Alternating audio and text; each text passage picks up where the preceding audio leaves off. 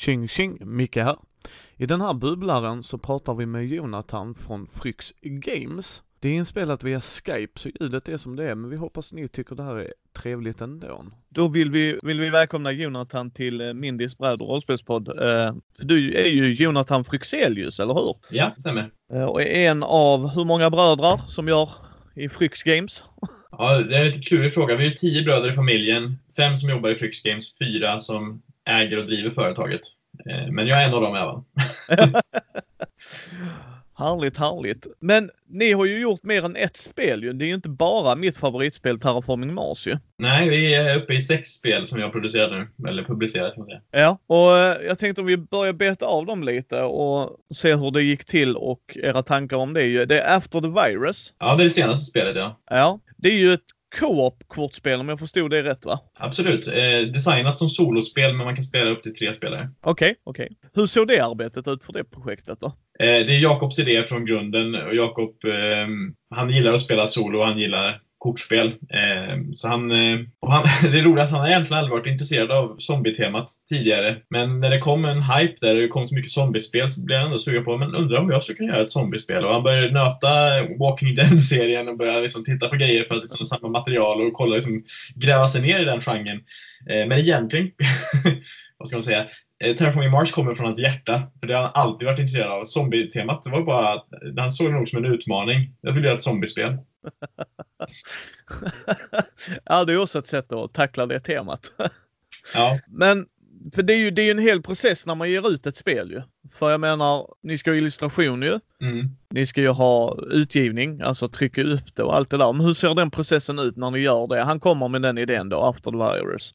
Hur, hur, från hans startidé till den i slutproduktion så att säga, hur lång tid tog det ungefär? Så eh, jag har inte riktigt koll på just After the Virus, men produktion, alltså det ser ut på det här sättet. Jakob skapar sitt spel med prototyper av papperslappar. Så han skriver med handskrivna kråkor på papperslappar och sen så spelar han, för han ser inte eh, han ser främst ett system. Så han nöjer sig med det och så spelar han det, eh, gör en, en vettig prototyp som går att spela. Sen så testar vi de grejerna tillsammans och oftast är det jag som hamnar på rollen att skapa en, en temporär prototyp. Alltså kort som inte är papperslappar och, och utan som faktiskt är handskrivet eller som är datorskrivet med en temporär grafik, alltså en grafik som vi inte får använda i slutändan men som är snygg liksom, eh, för prototypstadiet. När jag har skapat den så fortsätter vi med betatestning, framförallt, eller ja, alfatestning egentligen, internt i företaget ett bra tag. Vi testar också med lokala spelgrupper och liknande. Sen utvecklas det här spelet så länge som det behöver utvecklas tills vi bestämmer oss för att ja, men det här är ett spel som är så pass bra att vi vill ge ut det. Eh, och vi råkar ha tid att ge ut det dessutom. Och då kommer ju det stora arbetet med slutproduktion i, i form av grafiskt arbete och det, det, det är olika för hur stort projekt det är. Men för After the Virus så hade vi ju ett år på oss ungefär. Från att vi visste att vi skulle ge ut det till att vi skulle göra färdigt all grafik och, och eh, så. Ja, men det är ju det är ju intressant. Men det med artworken och det då, har ni en som ni alltid går till eller tar ni en ny illustratör eller hur ser den processen ut?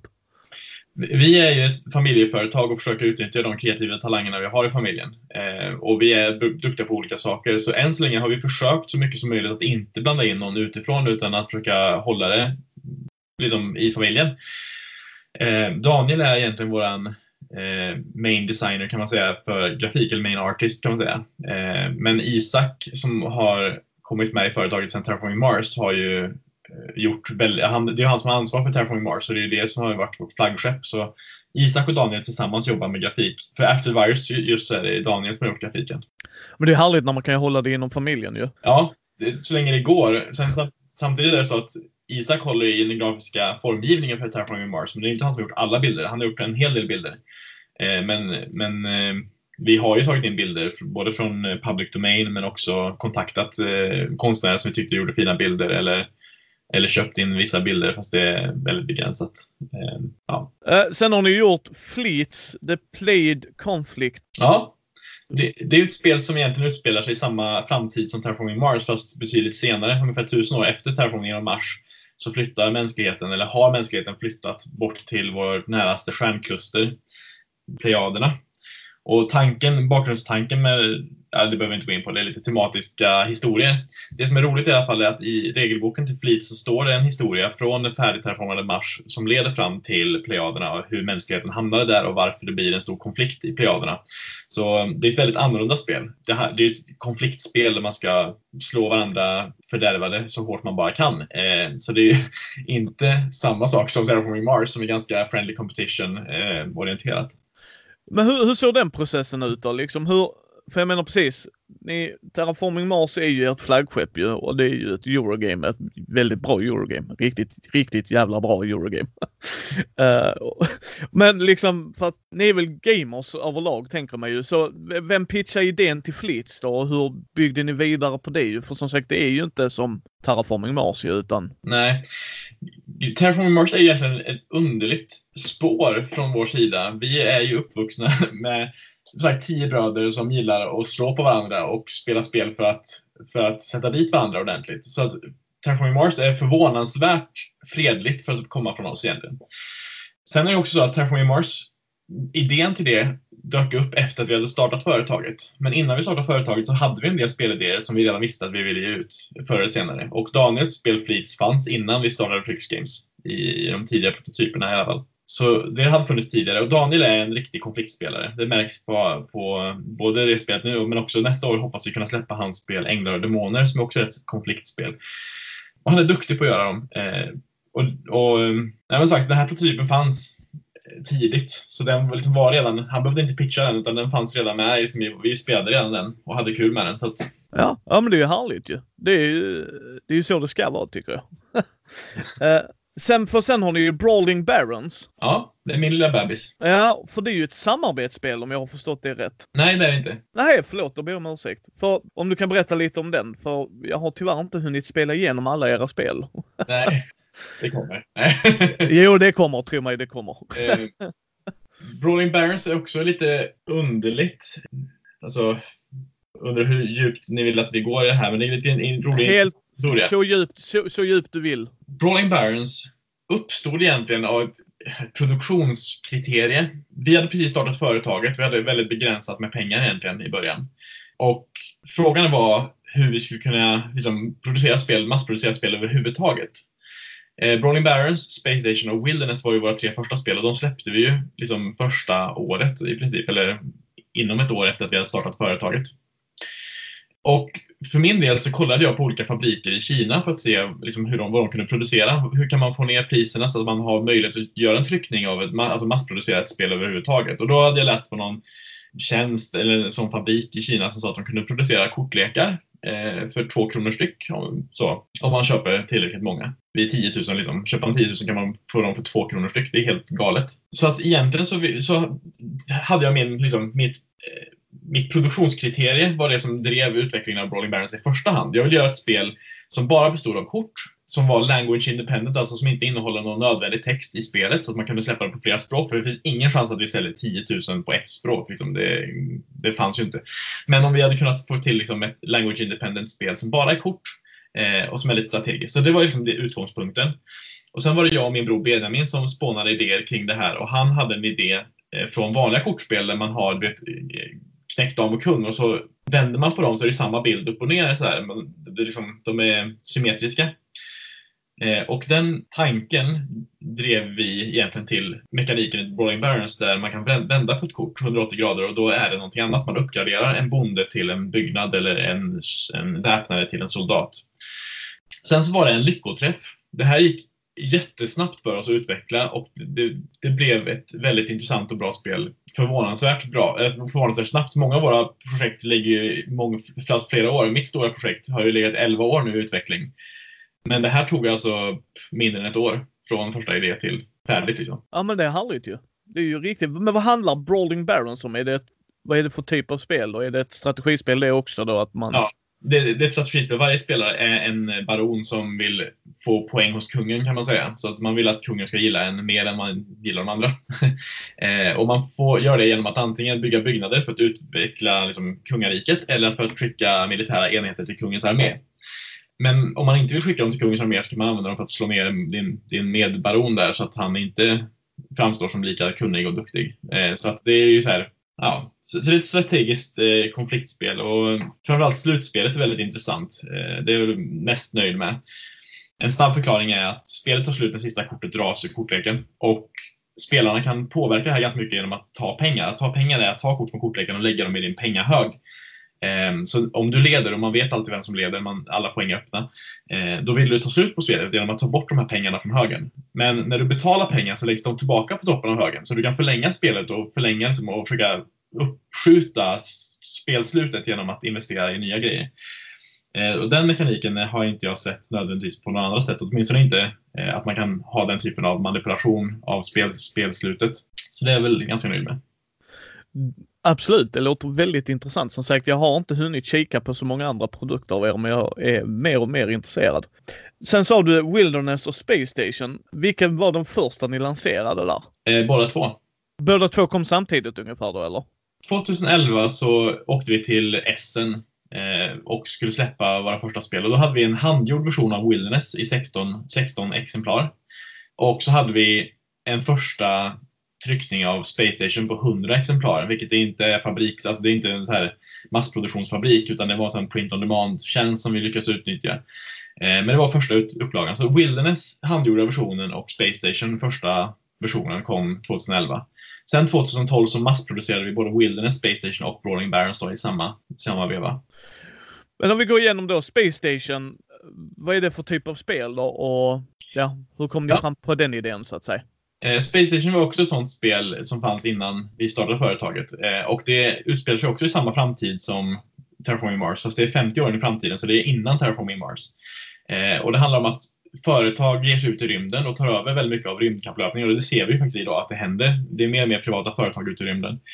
Och i Space Station så är varje spelare en, ett, en, ett företag som bygger sin rymdstation eh, över sex år. Och varje år så får man eh, finansiering från jorden och Victory Point baserat på om du har gjort den bästa eh, rymdstationen kan man säga. Så det är ett ganska kort spel. Det tar ungefär en timme att spela, upp till sex spelare, men rekommenderas främst eh, runt fyra spelare är väl eh, optimalt tror jag. Väldigt enkla regler. Det är vårt enklaste spel regelmässigt. Det är bara två sidor regler i princip. Så väldigt enkelt. Eh, en hel del spelarinteraktion, lite slå på varandra, lite händelsekort som saboterar för motståndaren och så bygger du din rymdstation lite. Ja, som sagt, det är ju ett tema verkar det vara. Er konflikt i familjen där med bröderna. Absolut. Absolut. Ja, jag, jag har en lillebror själv så jag vet exakt vad du menar när man... kan, kan jag sabba för dig? Ja, då gör vi det. ja, precis. En, en, kompis till mig sa att eh, den här personens spelmål, eller så här, spelmotivation, det var ju inte att vinna, utan att alla andra förlorar. Det, liksom, det viktigaste är inte att, att vinna, utan att alla andra förlorar.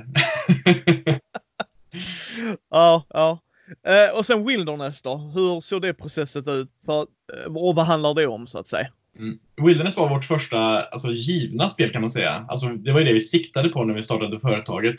Det baserar sig på att min, min, eller vår, vår far gjorde överlevnadssimulationsspel på 70-talet tror jag han började, kanske 80-talet. Inspirerad av Outdoor Survival tror jag det hette. Ett spel som fanns då. Och det här spelet tog min, mina två eh, bröder som är tvillingar, eh, Thomas och Daniel, de gjorde det som projektarbete i gymnasiet, att försöka göra om det här spelet eller liksom eh, uppgradera det och försöka få ut det på riktigt. Eh, det lyckades inte riktigt och under tio år ungefär efter det så har Daniel fortsatt jobba med det och försöka utveckla det. Och i slutet av den här tioårsprocessen, då, 2011, så startade vi företaget och bestämde oss för att ge ut det själva istället. Vi hade inte hittat någon som ville ge ut det eh, åt oss eller liksom ta upp idén, utan då fick vi göra det själva. Eh, så Wilderness var ju som, det var det som var helt givet, att det är klart att vi ska göra det. Eh, och det är alltså ett överlevnadsspel. Man spelar, eh, ja, introduktionen är att du har blivit misshandlad, rånad och överlämnad i vildmarken. Du har ingen, inga kläder, ingen mat och så är det måndag. Liksom det, det enda du vet när du vaknar är att du var ju på väg till en by som ligger österut, så du måste försöka ta dig dit innan du dör av alla jobbiga nat naturliga fenomen som törst, hunger, utmattning och vilda djur och dåligt väder och sjukdomar och allt möjligt. Eh, och varje spelare försöker överleva och det är inte så mycket interaktion, inget samarbetsspel, utan den som vinner är den som först kommer till den här byn eller den som är sist överlevande. Så det här är ett spel som har player elimination med, alltså man kan åka ut ur spelet helt och hållet. Och det har vi fått mycket kritik för i efterhand. Eh, det är för elakt i dagens spel, men vi tyckte det var kul. ja, det är lite som man själv vill ha det ju. Nej, men det är ju, ja, hur ser sådana processer ut då? För jag menar, ni har en idé. Jag antar att ni har väldigt, ni verkar vara väldigt mycket kreativa människor i företaget ju. Jag antar att ni inte bara har änglar och demoner i gjutelden så att säga, utan andra projekt och allting liksom. ja, Alltså om man räknar ihop, om man räknar ihop Jakobs, mina och Daniels spelprototyper, alltså totalt sett, även de som är dåliga och som aldrig kommer bli någonting, då är vi, då är vi nog uppe i hundra liksom, idéer. Så det finns jättemycket idéer och de flesta av dem blir aldrig någonting och många av dem blir nästan någonting. Eh, men sen är det några stycken som liksom skiner igenom och tar över liksom, och det är de man sätter alltså de tar ju ljuset från alla andra förstås. Eh, och det är de projekten vi jobbar mest med förstås. Jo, absolut, absolut. För sen så kommer ju som sagt Terraforming Mars. Mm. Och, och, jag menar, det är ett fantastiskt spel. Jag är inte opartisk här överhuvudtaget kan jag ju säga. jag är jätteglad, jätteglad att du vill sitta och prata med mig. Jag är ett stort fan av det ni gör. Jag har ungefär 350 spel. Ert spel har jag spelat 60 gånger tror jag. Mm. Uh, och det, det är som jag säger, det kommer till bordet. Jag ser jättefram emot Turmoil också. Mm. Uh, backade det. Det var liksom en, det var no-brainer för mig. Jag har till och med det på Steam. Jag brukar inte spela så mycket på Steam dock kan jag säga för att jag gillar att få det till bordet. Ju. Men, uh, men hur såg det? För det var ju inte en, vad ska man säga, så här, med facit i hand så har det gått väldigt bra för den ju. Ja. Men såg, såg det alltid ut så? Förstår du hur jag menar? Visste ni att det här kommer slå så stort? Alltså förstår du lite hur jag tänker? För Nej, det... alltså, det, jag tror alltså, ingen skulle kunna förutse det här och det finns många faktorer som orsakar det. Eh, vi visste när vi släppte spelet att det här var vårt mest påkostade spel i, i termer av alltså, grafisk design. Vi hade lagt ner mycket tid på... Vi hade haft mycket betatestning till exempel och det var en så stor målgrupp. Eh, våra andra spel, alltså vi hade inte... Nu måste jag tänka efter hur jag säger det här så att det liksom makes sense. Jakob fick idén till Terraforming Mars när vi kom hem från SM första året. Då fick han bara, nej men det är klart jag ska göra ett spel om Terraforming Mars. Och så började han, och vid jul så hade han redan hemma den här prototypen med hand, handskrivna papperslappar. Jättesmå papperslappar, man såg inte alls vad det stod på i princip. Men han hade någonting väldigt intressant där. Eh, det såg väldigt annorlunda ut än vad det gör i slutprodukten. Men tankarna finns ju där. Och vi jobbar väldigt mycket när vi skapar spel utifrån ett tema. Alltså att vi försöker, vi vill beskriva någonting. Man vill, vi vill att man ska uppleva någonting. Eh, och sen så ser vi hur, vad vi har för spelmekaniker eh, att liksom förmedla den här sagan med, kan man säga, eller den här historien. Och Jakob är ju extremt fokuserad på temat, att man ska känna att man terraformar, man ska, man ska liksom, ah, man är där och vill göra någonting. Så här utvecklades under ganska lång tid. I början var det inget brädspel riktigt, utan det var mest kortspel eh, med parametrar som man ändrar. Så temperaturen, syre och vatten var liksom parametrar som man bara ökade på ett, på ett papper. Det var liksom ingen spelplan egentligen, utan det var bara ett räkneverk. Eh, men vi lade till spelplan och massa sådana här saker under flera år. Under alla de här åren så släppte vi andra spel under tiden. Fleets till exempel släpptes 2014 eh, och vi jobbade extremt mycket med att hitta andra företag som ville hjälpa oss att vara alltså, co-publisher, alltså att man, man trycker spel tillsammans. Vi på engelska och ett annat företag på ett annat språk. För då har man möjlighet att få upp upplagan och då kan man få ner priset och då kan man liksom, eh, börja tjäna pengar på det i princip. Men vi fick, vi fick liksom nej gång på gång på gång på gång. Och Terraforming Mars är ju vårt första spel där vi lyckades få till en sån flerspråksdeal. Och vi kämpade extremt hårt för att få till det och många företag sa ju nej och eh, ett av företagen, eh, ett eh, tjeckiskt företag, vi, visade, vi var i Essen så visade vi Terraforming Mars för dem och de sa ja, men ja, vi tror att det finns en del bra, bra, bra grejer här men det här spelet kommer floppa, det kommer inte fungera. Ni kan inte, ni kan inte göra så här. Ni kan inte lägga 200 kort i samma kortlek och folk drar slumpmässigt ur dem. Ni måste dela upp den här högen i tre olika eror eller tidsåldrar eh, efter tid. Så det här kommer floppa. Jag tycker att ni ska lämna ifrån er det här spelet till erfarna spelutvecklare som kan liksom se vad de kan göra med det här. Så det var en ganska hård diss.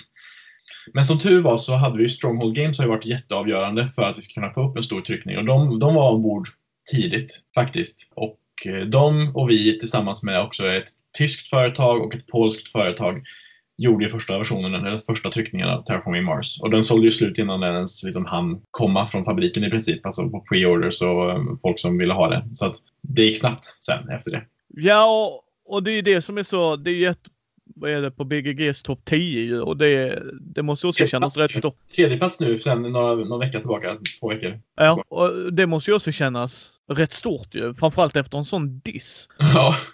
alltså förstår du, lite såhär mittenfinger att bara kolla här. Ja, men precis. Och vi, de har ju inte liksom kommit tillbaka till oss och eh, liksom sagt någonting annat efter det heller. Utan, men däremot vet vi att de säljer tredjepartsuppgraderingar till spelarbrädorna nu. Det här företaget som, som dissade det. Eh, så att, ja. Jo, men det är överväldigande. Vi var ju glada att vi hamnade på topp 1000 våra andra spel ligger inte på topp 1000. Så när vi hamnade på topp 1000 bara wow, coolt! Vi är liksom en av de tusen bästa spelen. Sen bara fortsatte det och det bara, det gick fortfarande snabbt så det kom upp på topp 100. Eh, och det var ju bara galet. Och då börjar vi liksom sätta in så här att, ja, men, hur långt tror vi att vi kan stiga innan det slutar? Så här, och så bara, nej men, tror vi kan komma till topp 50? Går det? Och så hade vi nästan, inte en vadslagning på riktigt, men i princip så här vadslagning. Ja, men jag tror att vi kanske kan nå upp till topp 50 liksom. Men det bara fortsätter. Och, och fram till topp 10 så gick det ju relativt snabbt. Sen så är det klart att från, från, från topp 25 så, så avtar det ju ganska snabbt, för det är så, det krävs så mycket fler röster för att säkra den här, eh, för att få en högre rating. Men tydligen då, eftersom vi gick upp i tredje plats för några veckor sedan, så stiger vi fortfarande, fast det är väldigt långsamt. Väldigt långsamt. Vi låg ju på fjärde plats under väldigt lång tid. Ja. Men ja. för att komma tillbaka till faktorerna som gör att det här har slagit så bra, så tror jag att en viktig sak som man inte kan undgå från, det är tajmingen med kulturen och hur kulturen har kretsat kring Mars de senaste åren. Eh, vi släppte ju spelet eh, i precis rätt timing. Elon Musk hade annonserat sina planer för Mars Eh, Mars One var ett företag som ville skicka människor till Mars. The Martian hade kommit som film och som bok, så folk var ju hypade över Matt Damon där som, som ska överleva på Mars. Eh, samma år som vi skulle släppa Terraforming Mars så skulle det släppas fem spel som handlade om Mars och innan dess fanns det typ inga. Så det var, alltså det var en sån Mars-boom och folk som hade sett då Oavsett vilket av de här fem spelen de hade sett så hade de blivit hypade inför Mars-temat. Och så var det vi som var först att släppa spelen på riktigt. Då. Eh, och så vi fick ju all den uppmärksamheten och vi, vi, tog, vi sög åt oss all, all den uppmärksamheten från, även från de andra spelen. Um, så att tajmingen var ju jätteviktig. Och det var egentligen bara ett lyckoskott. Vi visste ju att Mars blev mer och mer i ropet. 2015 var ju en av våra mest kritiska ögonblick. För vi ville ge ut Terraform Mars 2015 egentligen, till SM 2015. Men spelet var inte helt färdigt och vi hade inte hunnit göra en jättebra grafik då. Så vi hade kunnat stressa ihop det och släppa det 2015 eller så liksom, har vi ett år till och låter det vara. Eh, speltesta vidare och jobba med grafik i lugn och ro. Det var läskigt. För vi börjar märka runt omkring oss att folk börjar prata om Mars mer och mer och vi kände att om inte vi ger ut det nu, då finns det en risk att någon annan ger ut samma idé innan oss. Så 2015 var ett avgörande ögonblick. Men det var extremt tur att vi väntade ett år för att under det året så kom också ett par finjusteringar på spelet som var nödvändiga och utan de finjusteringarna så hade ju spelet inte gått så här bra. Långt ifrån så här bra. Jag tror att det hade liksom kanske inte ens hamnat på topp 1000 då om vi inte hade gjort de här sista korrigeringarna i slutet. Så väntan var well paid så att säga? Det var det. Och eh, sagt, med facit i hand så var det ju en ännu mer perfekt eh, timing 2016. För, för det är ju det som är så intressant med Terraforming Mars ju. Eh, det är ju att man har, vi, vi kör ju med drafting. Uh, liksom den optional rule. Yeah. För att det, det är det vi tycker är jätteroligt. Och som sagt, jag och min bästa vän Fredde, vi har spelat det så mycket. Alltså det, det är sinnessjukt. så mycket det har kommit till bordet. Uh, uh, både med och utan expansioner. För vissa gånger vill vi bara köra basspelet också. Uh, och det håller. Alltså det håller än idag. Så det ska ni ha all eloge för. För att nu när vi kan komma in här på, för jag vill peta på dig så mycket som har så många frågor. Till exempel, ni, ni släpper ju, en grej jag älskar ni gjorde var att släppa kartor. Det är mm. liksom, det satte ju det, gjorde det väldigt intressant. För mm. det är ju samma spel men ändå inte. Ja, precis. Eh, det, det är extremt, det är den enklaste formen av expansion man kan släppa i princip för att det är inga nya regler egentligen, utan det är bara det är, det är en ren och skär variation. Och Hellas Elysium är ju praktexemplet på det. För väldigt mycket expansioner ger ju mer variation och inte så mycket nya regler. Venus Next är också en väldigt enkel expansion att förstå. Inte så mycket nya regler, det är bara ny, det är ny tag, det är ny resurs, det är nya kort och det är nya, en ny terraformningsmätare. Men allt det där finns ju i grundspelet. Det är bara att det är nya och breddar ut sortimentet av det lite grann. Eh, så båda de två är väldigt enkla och Prelude är också enkel. Det är ju först på Colony som vi börjar liksom ge oss på de här lite tyngre mekanikerna, alltså lite nya, alltså expandera mekanikerna och inte bara variationer och utbudet i de mekanikerna som redan fanns.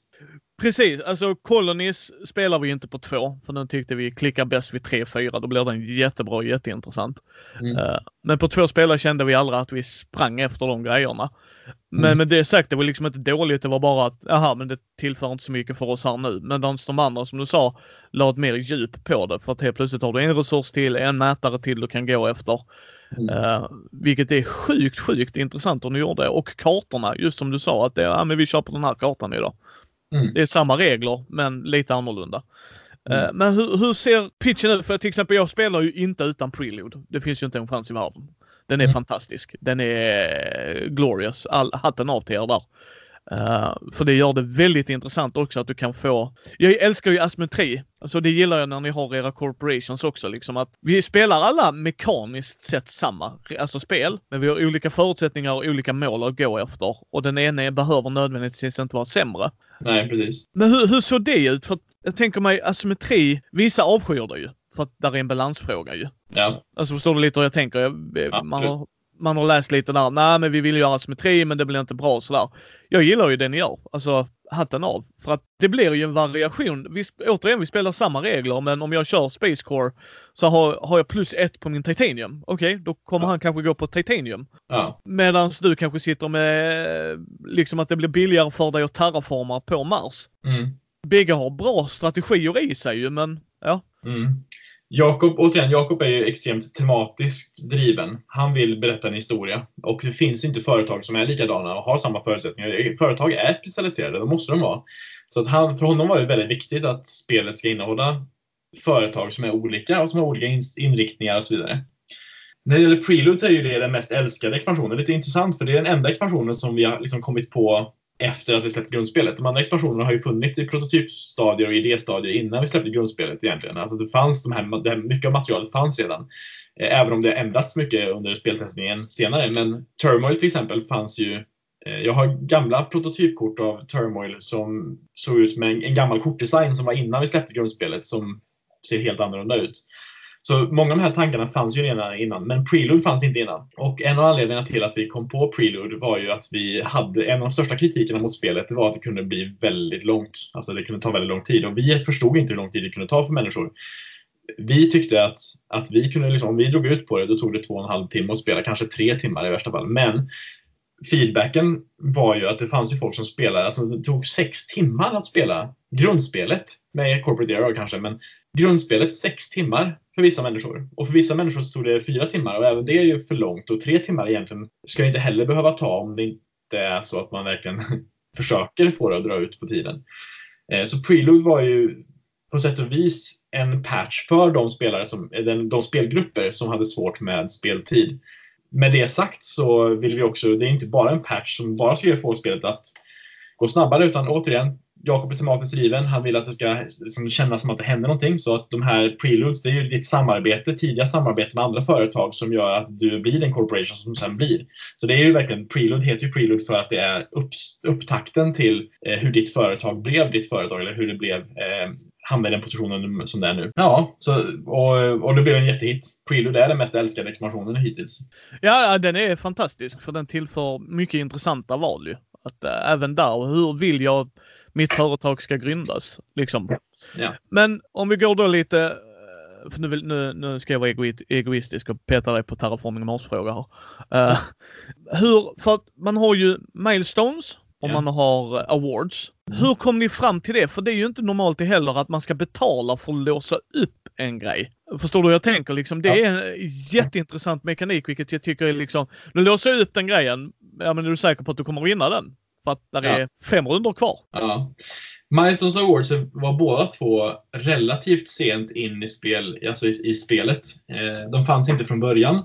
Milestones kom först och sen senare kom Awards. Eh, så det här, och det här har inte jag jättemycket detaljkännedom om hur Jakob tänkte när han gjorde det, men en, en av tankarna var ju förstås att det måste finnas eh, saker och ting att racea för i början av spelet. Det måste finnas mål som man vill komma först till så att det finns en tension där i början. Men vi upplevde väldigt snabbt när man inte hade awards, men bara hade milestones, och det spelade vi först med och tyckte att det var bra.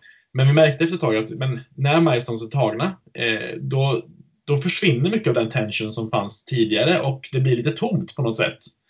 Och då behövde vi, visste vi visste att vi behövde ha en mekanik som var viktig i, slutare, i, alltså i senare delen av spelet som man kunde investera i och som fortsatte göra en tension. Och det var en, alltså det var en snilleblixt av Jakob att komma på dels det här med eskalerande kostnaden. Du vill köpa en Word tidigt eh, för att få det billigt. Men ju tidigare du köper den, ju mindre säkert är det att köpa den. Jättesmart grej, tycker jag. Jag håller helt med. Jag är heller helt opartisk. Eh, ja, jag håller helt med. Ehm, så, men som sagt, Awards, samtidigt så är det ändå så att Awards var ganska sent in i spelprototyperna faktiskt. Ja, och sen har man ju då att man ska terraforma Mars. Och det menas ju att det blir lite area control också, ish. Uh, för att beroende på var man placerar sin stad eller sådär liksom så blir det hur de andra Just att, för man får inte sätta två städer precis bredvid varandra. Uh, vilket gör att, ja men jag placerar här. Jaha, då kan inte jag sätta precis bredvid Micke utan då måste jag ha en ruta minst ifrån. Ja. ja vem bygger skogen då? och allt det där. Men inte nog med det. För när jag väl placerar det, så om man placerar vatten, vid vatten får jag pengar för det. Pengar är alltid bra. Eller så får jag en grej. För det är också så här, vilken typ kort eller titanium eller iron liksom. Hur ja. såg det processet ut? För du sa, han börjar ju med bara med kort och sen när ni la till brädet. Ja. Jag kommer ihåg att vi hade diskussioner om det här för att vi hade kommit överens om att vi ville ha ett bräde. Man vill ha ett spelplan så att man får en översiktsbild. Man vill se hur Mars förändras. Man vill inte bara ha det i abstrakta parametrar, utan man vill se hur det ändras. Vi la till en, en spelplan. Och I början var den spelplanen egentligen bara en grafisk representation av de här eh, parametrarna. Det var så att Ja, men du hade fortfarande syremätaren då, längs med atmosfären, men du såg i alla fall att det var atmosfären för att man har lite grafiskt så. Eh, och så var det temperaturmätaren som blev en temperatur, eller en termometer. Eh, och sen så var vattnet var egentligen ett, ett stor, en stor sjö på Mars. Vi hade bara liksom foto, jag, det var jag som gjorde den här prototypen, den var inte, inte vacker, men vi la ju bara in en sjö på Mars och så var den uppdelad i nio sektioner, så att du flyttade en parameter längs med de nio sektionerna. Så att du liksom, ja, nu har vi så här mycket vatten, nu har vi så här mycket vatten, nu har vi så här mycket vatten.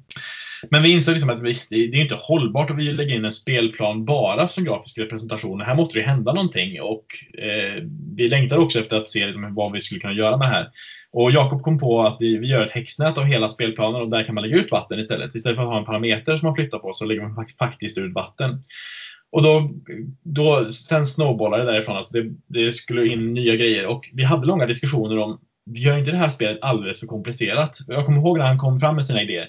Jo, men städer får inte ligga bredvid andra städer och greeneries får bara ligga, ligga intill egna tiles från första början. För de, så här, eh, och, och, vatten får bara ligga på de här rutorna. Vi bara, men oj, det är för mycket Jakob, det är för mycket. Du, alltså, du kan inte ha alla de här reglerna i spelet. Det är liksom, och det visar ju hur, hur hemmablind man är kan man säga när man jobbar med ett spel. Att eh, man tänker ju inte på att de som spelar spelet i slutändan, de har ingen aning om hur det här såg ut i tidigare versioner. De kommer inte uppleva det här så mycket jobbigare, så mycket tyngre än vad det, ha, än vad det hade kunnat vara eh, om man gör det bra.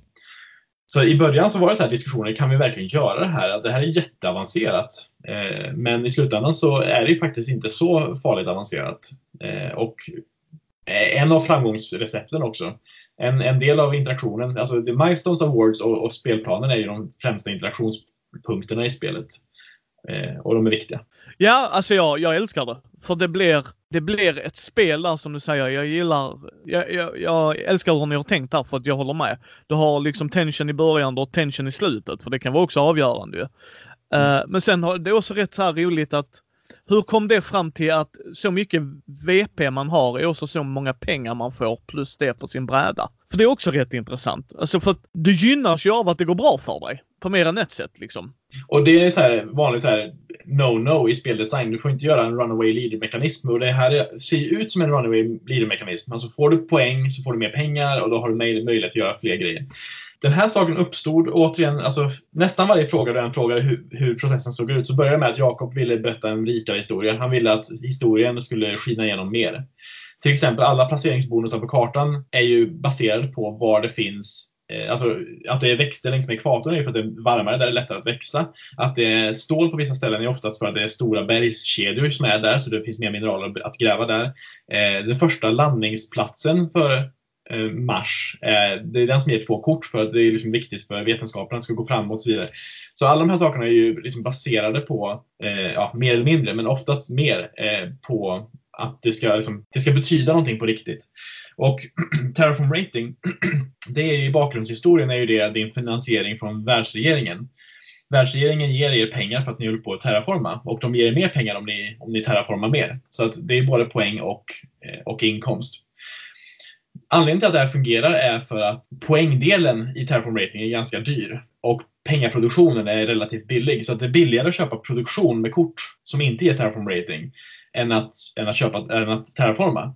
Och det innebär att engine buildingen, att terraforma, det är ju lite engine building och poäng samtidigt. Eh, medan ren engine building är kanske ännu viktigare i början av spelet, för då får du upp en produktion som du sen kan omsätta i nya victory points senare. Eh, så att det ser ut som en runaway leader-mekanism, men på grund av att det är så dyrt för just en engine building-aspekt så, så funkar det ganska bra ändå. Men Ja, ja. Det kommer, alltså, om du frågar vart Terraform Rating kommer ifrån, att det är också är inkomsten, så är det helt drivet av den här, den här historien om att vi är företag, vi får finansiering från jorden. Ja, det är fantastiskt. Alltså det, jag gillar det. är, Som du säger, det är ju dyrt att bara terraforma.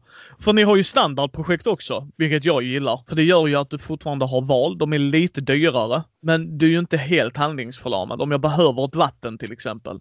Mm. Så bara, det här i min strategi funkar det, men jag måste ha ett vatten. Ja, då är jag inte beroende bara av kort. Mm. Jag kommer ihåg när vi la till, vatten, eller när vi la till standardprojekten. De fanns inte från början heller. Och eh, en av anledningarna till att vi la till dem är att jag hade fått ett parti när jag spelade mot min bror eh, Peter. Och jag samlade på mig alla kort som gav vatten och samlade dem på min hand och la inte ut dem. Eh, för att jag visste att jag höll på att växa om honom. Han hade mer pengar, poäng just då, men jag hade en större potential för framtiden. Så jag samlade på mig korten som gav vatten och sen så la jag inte ut dem. Utan jag såg till att, kortet, att spelet fortsatte. Och i slutändan så hade jag alla kort eh, som kunde lägga ut vatten. Och det var inte lika många på den tiden heller. Men det innebar att jag hade fullständig koll på hur spelet kunde avslutas. Och han hade ingenting att säga till om. Jag hade kunnat fortsätta spelet precis så länge jag ville och han kunde inte göra någonting åt det. Eh, och det var ju inte bra. Nej. Så att vi insåg att standardprojekten är viktiga för att du ska ha tillgång till att, att påverka spelets längd. Du ska ha på, möjlighet att påverka din strategi. Även om inte du får korten som du behöver för just det här så ska du ändå kunna, alltså du ska fortfarande kunna spela även om du inte får rätt kort. Så standardprojekten är ju en viktig kan man säga, antidote mot, mot slumpmässigheten i spelet. Ja, för, för det är det jag gillar också när man sätter ut en skog så händer det ju flera grejer. Att du höjer syrenivån. Ja. Eh, Vilket är väldigt intressant i sig. Då får du VP för det. Men du får också VP för att den ligger kvar på kartan till slutet Ja. på spelet. Hur ser det på sig? För där, det, är liksom, det är ju en dubbel effekt ju. Ja, Förstår du lite hur jag tänker? För det är ju inte bara liksom, ja men nu höjer jag syret. Ja men det är inte bara det som händer. Det händer mer liksom. För en grej du gjorde. ja. Eh, Eh, Den första biten är ju väldigt, återigen, eh, historiemässigt. Skogar gör det. Det är därför man vill plantera skogar, för att det höjer syret. Och syret i sin del höjer, temperat- höjer terraform-ratingen. Sen vad som ger poäng i slutet av spelet, det är väl en, en balansfråga. Hade de inte gett poäng i slutet av spelet så hade de varit billigare att göra. Då hade, varit liksom, då hade vi gjort dem billigare att lägga ut istället. Så det är en balansfråga. Men vi uppskattar också det här just mekaniken att det är ganska mycket poäng som delas ut i slutet. Vi har diskuterat det väldigt mycket de senaste dagarna för att vi har eh, diskussioner om andra spel eh, och varför Terraform Mars har gått så bra. Så jag tror att en väldigt viktig grej är att man kan aldrig veta att man är helt uträknad. Man kan känna att man ligger efter de andra spelarna, men på grund av att det är så mycket poäng som ska delas ut i slutet eh, så vet man inte riktigt att man är uträknad och det gör att man fortsätter kämpa in i det sista för att vinna. Och sen kanske man har poängräkningen inställd, men oj, jag låg 40 poäng efter. Det fanns, fanns egentligen ingen chans att jag kommer tillbaka, men jag hade ändå roligt hela vägen, för det kändes som att jag, det, det kan mycket väl ändra sig. Det kan, det kan vända. Eh, och den känslan tror jag är viktig. Och då uppskattar jag att vi har en sån mekanik där man har mycket poängräkning i slutet. Bland annat då för greeneries, eh, grönområden. Sen är det ju tematiskt också att det är klart att du får, eh, om, om spelet handlar om att du ska göra Mars beboeligt, så är det väl klart att eh, det, det är klart att du har gjort Mars mer beboeligt genom att göra det vackert, att, att plantera skogar och liknande. Och vi kan ju inte gärna ge dem två terraform rating från början, för det hade blivit för dyrt istället. Eller alltså, det hade blivit för bra istället. Så att, Ja, för det är en väldigt bra balansgång där ju. Och liksom jag kan tänka mig eh, när man har, de tyckte att ni skulle dela upp det i tre eror. Jag gillar allting i en hög för att vi draftar ju som sagt. mm. Och vi tycker det är sjukt roligt att sitta och drafta och sitta och fundera och sitta och lösa pusslet som jag och min polare brukar säga. ja. Eh, och en tredje polare till oss, eh, han bryr sig inte om han vinner eller förlorar, men han gillar också Terraforming Mars. För han sitter där och terraformar Mars. Det säger han liksom, temat kommer igenom för honom. Det, han, han, hans företag gör de här grejerna. ja. Så kudos till er och jag tycker det är ett fantastiskt spel som sagt. Jag, nej, det är, jag är ju Eurogamer i hjärtat så att eh, det var bara match made in heaven. ja. Liksom. För att jag tänker mig när ni lägger till kort, det måste ju vara ett jäkla helvete tänker jag med balansfråga. Hur, hur har den processen sett ut? För jag menar, vissa kort kommer ju vara bättre än andra. Ja, men man vill ju inte att de ska vara för bra eller för dåliga. Förstår du? Alltså, för då... Vi, vi har jobbat väldigt mycket med en formel. Den är hemlig så det är ingenting jag kommer liksom avslöja så. Men det finns en formel där varje sak du kan få från ett kort är värt någonting. Och det är det här som ligger till grunden sen för hur mycket det som vad kortet kostar. Eh, och den här formeln gör att det var ganska, alltså, ganska enkelt att göra en grundbalansering där korten inte ska vara så mycket olika bra utan de ska vara ungefär lika bra allihopa. Men de är situationella. De är, det som gör dem bra är inte det strikta värdet i kortet utan det som gör dem bra är ju att du råkar kunna utnyttja det här på ett bättre sätt än motståndarna gör. Så balanseringen har varit, alltså i grund och botten så är det en, en formel som sätter priset och sen så speltestar vi det och sen inser vi att ja, men okej, Eh, det finns ju vissa undantag från formen som vi måste göra för att det spelar ingen roll att formen säger det här. Vi måste göra det här kortet lite dyrare för att det kanske är för bra potential som vi inte har räknat med i formen sedan tidigare. Eller vad det kan vara.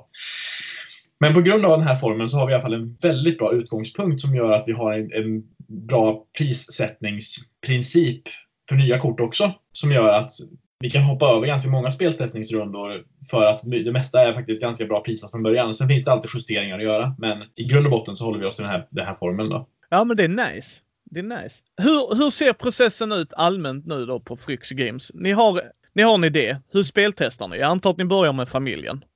Ja. Men, hur tar ni det därifrån ifrån så att säga? Det är lite lustigt. Vi är ju fyra, vi är fyra bröder som, som äger företaget, som driver företaget. Vi bor i fyra olika städer. Så vi ses ganska sällan. Vi hoppas kunna ses mer i framtiden, men vi ses ganska sällan i fysiskt, liksom, i samma rum. Så vi har en varsin spelgrupp eller, eller liksom ett sammanhang i de olika städerna eh, som vi försöker utnyttja till speltestning. Eh, vi arrangerar lite speldagar, vi är på spelkonvent, vi försöker visa upp våra spel och så vidare. Och sen så kommer vi tillbaka, vi har ju möten varje eh, tisdag till exempel, det var därför jag var uppe så sent igår kväll. Eh, och så diskuterar vi då vilka, vilken feedback vi har fått från de olika spelgrupperna och även om vi själva har spelat och testat på något sätt så diskuterar vi de här förändringarna. Och egentligen är det så speltestningen ser ut. Vi har testat större betatestningsgrupper, alltså grupper som inte känner oss privat. Och det finns ju en stor styrka i att inte ha den biasen hos sina speltestare. Eh, folk som känner oss har en tendens att vara kanske ja, men, mindre kritiska för att de gillar oss. Så det är viktigt att komma ut till folk som man inte känner också. Så vi har ju testat det med några spel också och skickat ut till grupper.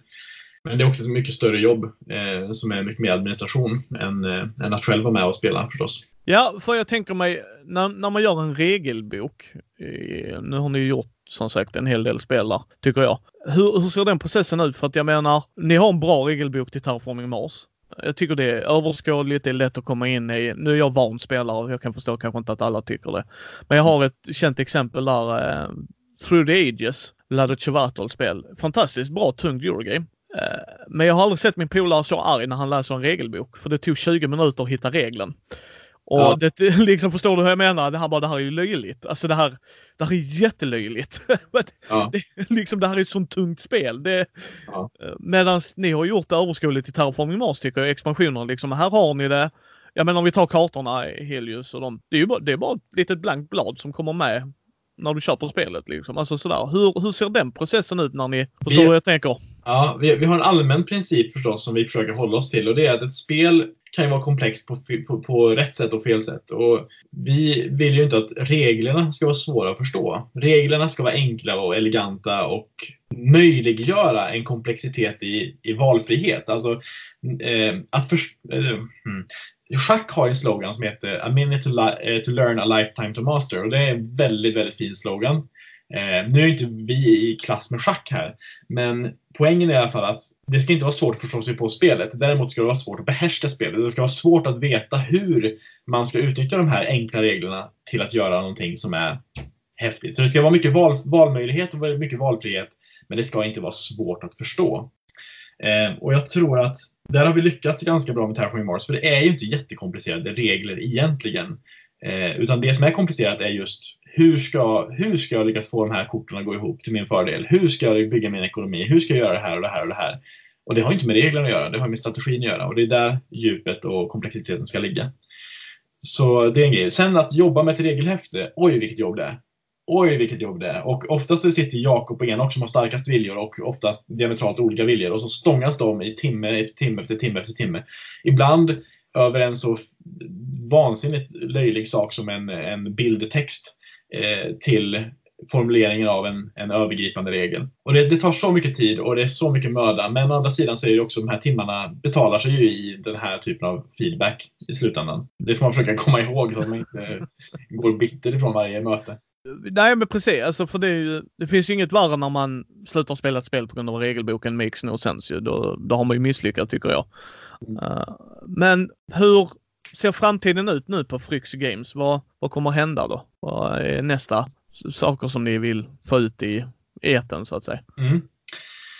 Eh, nästa år så har vi ett stort nytt spel som heter Änglar och Demoner. Och det är vårt första miniatyrspel, ett första spel som innehåller massiva, eller massiva, eh, ett stort antal ska säga, figurer. Cirka 200 figurer kommer det vara i det spelet. Och det är, det är Daniel, så han gör sitt konflikt, han, han, han gör sin konfliktgrej. Eh, änglar ska slåss mot 100 demoner över en människas själ. Det är stort, det är episkt, det är jättespännande spel och det hoppas vi då kunna ge ut nästa år. Men som sagt, eftersom det är en helt ny grej av oss, vi har inte jobbat med miniatyrer förut, vi har inte jobbat så mycket med plastgjutning heller.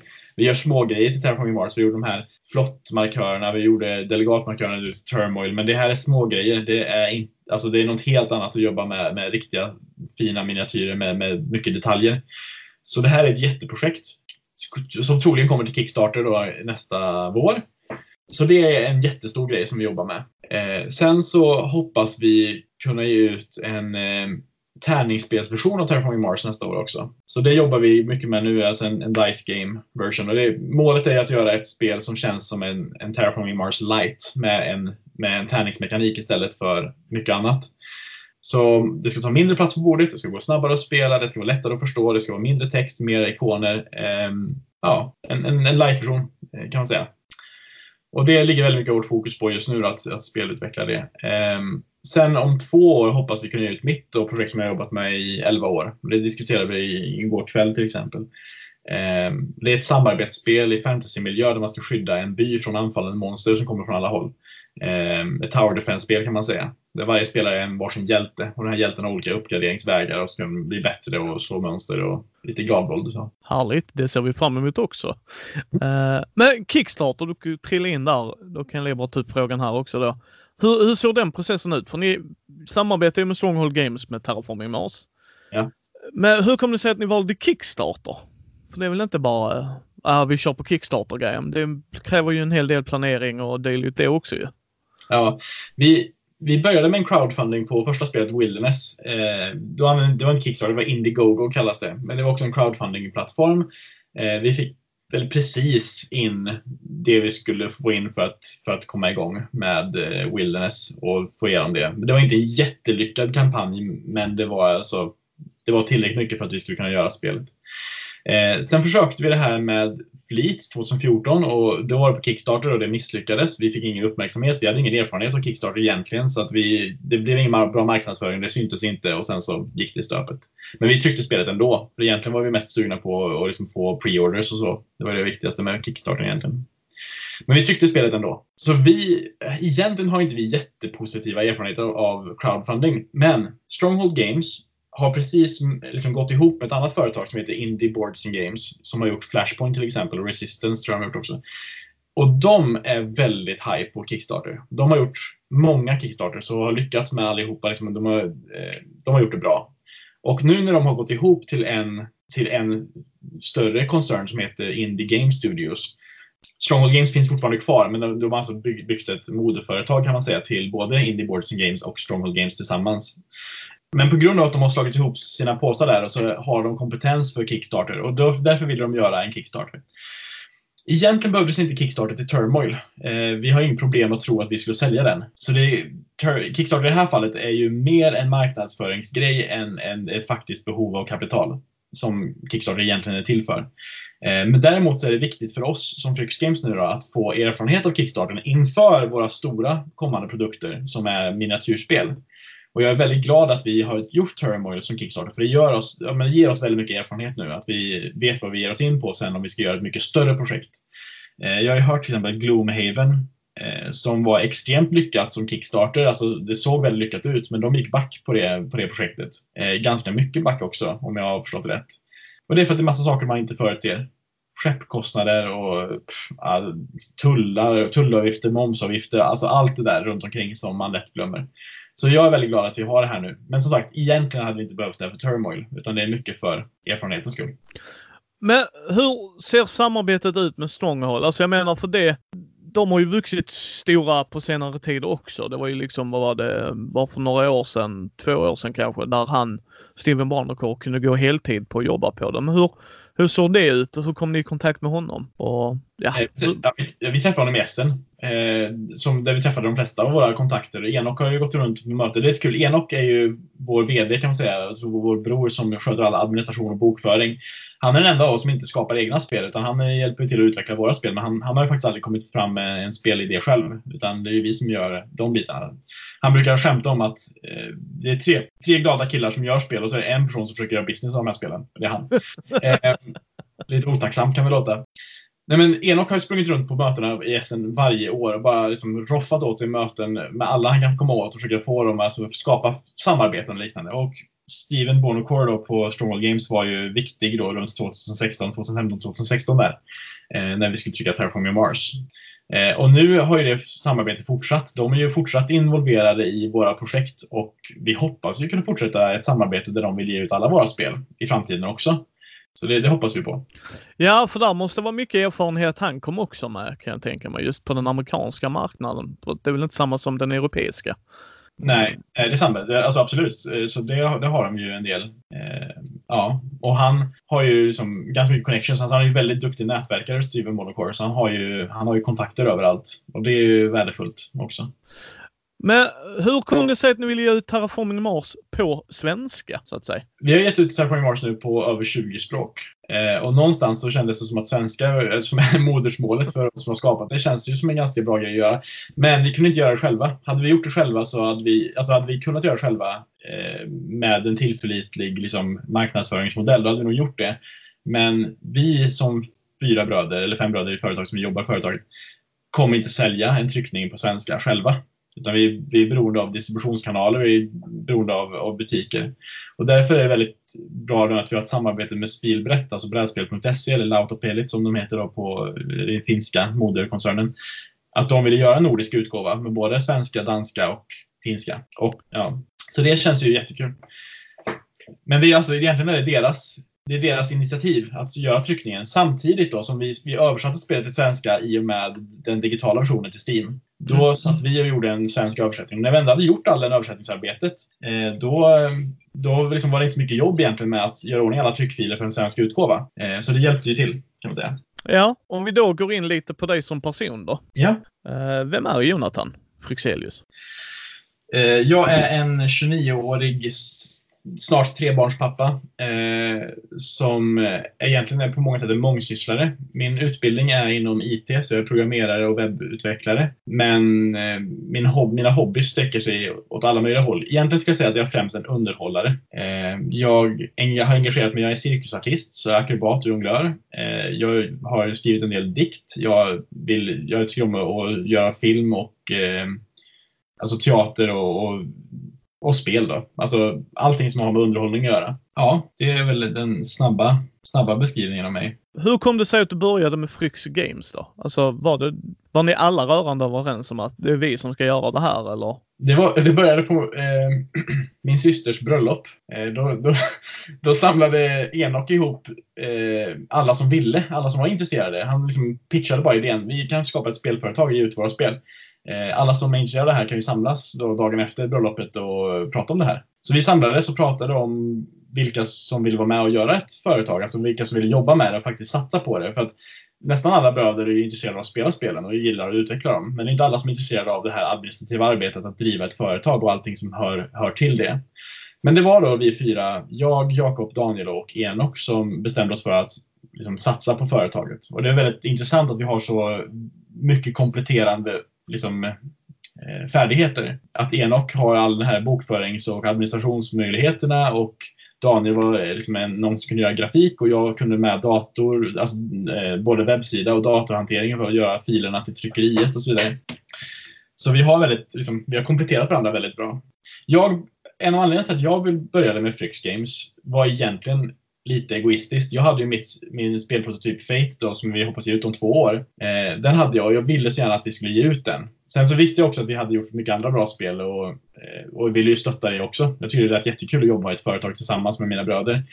Eh, på grund av att vi bor i olika städer också så är det här en jättebra möjlighet att ha en regelbunden kontakt med sina syskon. Många förstår inte det, men menar, mina syskon, det är ju som andras kusiner på något sätt. Liksom. Det, man har inte jättemycket kontakt med alla syskon. Så det här har ju varit en, ett, ett härligt sätt att fortsätta hålla stadig kontakt med fler, med fler i familjen. Det är ju inte fel ju. Nej, det, Vil- är bra. Vilket är ditt tidigaste spelminne då? Där du kände att det här med spel, det gillar jag. Det var nog någon julafton. Som så många andra så spelade vi mycket spel på julafton. Daniel hade redan varit igång och gjort prototyper av spel. Han är jätteduktig på att skulptera och liknande och måla, måla såna här Warhammer-figurer. Jag kommer ihåg att jag fick ett eget spel som, som han hade gjort, han och Thomas tror jag hade gjort det tillsammans, eh, som använde redan befintliga Sagan om ringen-karaktärer. Och så hade de gjort ett litet spelsystem som heter eh, typ Striden på väderklint. Eh, så fick jag då några figurer med, det var Aragorn och några hober och så vidare. Så hade de gjort lite spelregler för, och så gjort en liten terräng, liksom en liten karta kan man säga. Eh, som 3D, liksom, skulpterad grej. Där man kunde springa omkring och slåss mot naskuler, typ.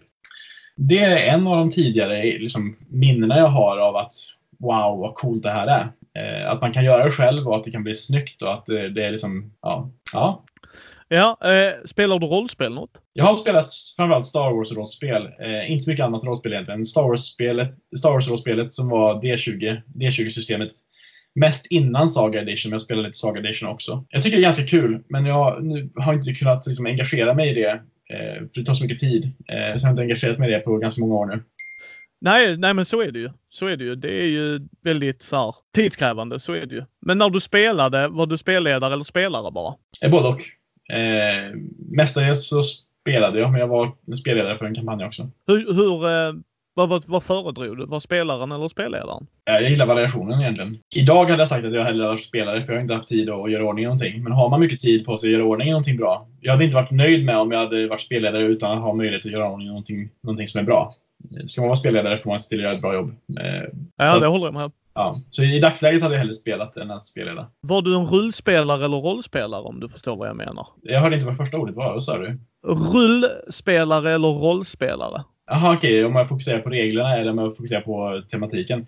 Ja. Jag är någonstans mittemellan egentligen. Jag, jag är inte mest rollspelande av alla. Eh, och jag är ganska intresserad av systemet och hur man kan utnyttja systemet på olika sätt. Mm, jag skulle säga mittemellan där. Ja, eh, men du spelar ju brädspel. Det har ju framgått. Eh, men är du Eurogamer eller Ameritrasher? Eh, Ameritrasher egentligen. Ja. det, tror jag, det, det tror jag att vi alla är i företaget faktiskt. Ja, men det är ju det som är intressant när du pratar. Varje gång så har ni ett tema bakom ju. Eh, och så har ni gjort ett fantastiskt bra Eurogame. Så att, hatten av. Men vilket är ditt favoritbrädspel då? Eh, jag utgår från att vi kan exkludera våra egna spel. Nej, du får ta det också. Det bryr jag mig inte om överhuvudtaget. Om jag, om jag ska vara helt ärlig så hinner inte jag spela så mycket annat än våra egna spel, för vi måste speltesta dem hela tiden för att det ska bli bättre. Så att jag har ganska begränsat med tid att spela annat än våra egna spel. Eh, men jag kan säga att jag skiljer mig från de andra bröderna. Att jag gillar, jag gillar ett time management-spel, alltså jag gillar stressspel. Eh, och jag gillar, ja, att vi gillar stressspel är väl det kanske det viktigaste som skiljer oss åt. Ehm, jag gillar Escape till exempel. Det är så här ett samarbetsspel, man ska fly från en, en, ett tempel tillsammans. Så spelet tar max 10 minuter för man spelar till ett soundtrack som är 10 minuter och när det är slut så är spelet slut oavsett. Det är kul. Jag gillar, alltså jag gillar när man eh, får testa på någonting helt nytt. Alltså jag gillar när folk vrider och vänder på mekaniker så att man får en ny upplevelse som känns originell. Ja. Och lätta, det- gärna, alltså lätta regler. Eh, vad tycker du är bäst med vår hobby? Ja, kreativ frihet, jag vet inte. Alltså, det är så kreativt. Det är, det är väldigt kul att få... För min, det som ger mig en, en sån kick, det är att veta att det finns, det finns familjer i Japan som sitter med sina barn och spelar vårt spel. Alltså grejen är att man kan underhålla folk på sådana enorma avstånd eh, och att det på så sätt ger en, en storytelling-bit då, att vi kan få underhålla. Vi är i Sverige, men vi kan underhålla folk över hela världen med att vi har gjort ett spel som folk spelar och upplever. Och, eh, om vi ska då avrunda här så jag inte tar all din tid idag. Tre tips till folk som vill publicera något. De, de vill göra ett brädspel, få det till tryck och ut till vida världen så att säga. Ja du. Eh, speltestning är jätteviktigt och framförallt speltestning med opartiska ögon. Jag, jag, tror att det är det viktigaste tipset. Att man ser till att man inte bara har spelat det med sina kompisar och alla tycker att det är bra och sen så tror man att, man, att det här kommer bli en världssuccé. Utan se till att få opartiska ögon på spelet. Eh, det är en viktig poäng. En annan poäng tror jag är viktigt med marknadsföring. Någon som kan. Du behöver slå ihop med någon som kan nå ut. Någon som kan nätverka, någon som kan nå kontakter och någon som liksom, eh, har möjlighet att sprida den här idén. Antingen om du ska ha en Kickstarter eller om du ska försöka publicera det liksom, eller sälja in idén till någon så behöver du någon som verkligen kan det här med nätverkande. Och om du kan det själv, eh, grattis! det kommer du behöva. För det tog, alltså, det tog oss flera år innan vi fick någon sån liksom, riktig kontakt och deal kan man säga med någon. Det är svårt, svårt med tredje tipset här egentligen. Jag skulle vilja säga någonting om tema. Eh, gör någonting som du verkligen tycker om att spela själv. Det var någon som sa, jag tror att det var, jag vet inte om det var Jamie Stegmaier eller vem det var. Don't quote me on this. Men det var någon som sa att, att vara speldesigner handlar om att spela sitt spel tills man, är, tills man kan spy på det och sen spela det lite till. Typ. Och det visar ju förvisso en, en disciplin. Men jag har inte upplevt det med våra spel och jag tycker att det är om, om du själv blir trött på det, då kommer dina spelare också bli trött på det. Och då är det någonting som du behöver ändra på. Jag är inte trött på Terraforming Mars. Jag har spelat säkert 300 partier eller någonting sånt där. Jag är inte trött på det. Och det ser inte ut som att jag kommer bli trött på det heller. Så skapa någonting som du själv älskar att spela. Som du själv älskar att, eh, att spela. Yeah. Ja. Eh, då vill jag passa på att säga ett stort tack för att du ville vara med i vår podd. Ja, det var väldigt trevligt. Eh, så önskar jag all er lycka i framtiden och kommer att hålla ett skarpt öga på era produkter och ta en titt på era äldre med. Ja, absolut. Vi träffas väl säkert. Ja, det hoppas jag. Jag ska ju på Gothcon och på andra konvent också, så det, det hoppas jag innerligt. Det var jättetrevligt att du ville ta dig tid. Yes. Så tack så mycket du. Ha det så trevligt. Detsamma. Hej, hej. Tack för att ni har lyssnat på Mindys bräd och rollspelspodd. Ni hittar oss ju på vår hemsida mindy.nu eller på vår Facebook Mindys bräd och rollspelspodd. Eh, Instagram, Youtube, Twitter hittar ni oss också på. Lämna gärna ett betyg på iTunes eller på vår Facebook-sida så att fler kan hitta oss. Och så hörs vi igen nästa måndag.